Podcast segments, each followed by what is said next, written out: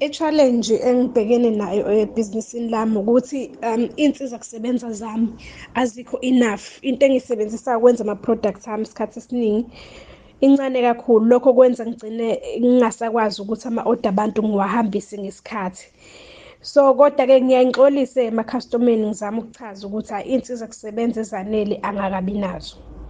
Also enye i-challenge enginayo eyethu thina thithi thina abantu abamnyama ukuthi umuntu ufike ancome ukuthi waziwamuhle umsebenzi wami. Emva kwalokho-ke ebese umuntu esefuna ukuthi ngimtshele i-recipe yendlela engenza ngayo i-product yami.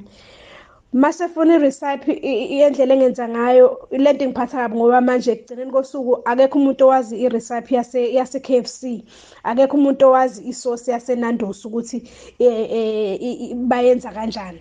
Ngingakutshela i-ingredients ingredient ye-products ngingakutshela ngenzela ukuthi uma ngabe mhlawumbe unama unama-allergies ukuze ukuze wazi ukuthi uyayidla lento noma awuyidli. And ingredient isuke ibhaliwe kuma-products. Kodwa i-recipe indlela engenza ngayo nami i-secret yami eyenza eyenza ukuthi ibhizinisi lami libe impumelelo yebo indlela engenza ngayo iyona ezokwenza ukuthi ibhizinisi lami ligcine likhona nakwezinye iy'ndawo ngoba kuzobe kudingakala mina ukuthi mina ngilenze.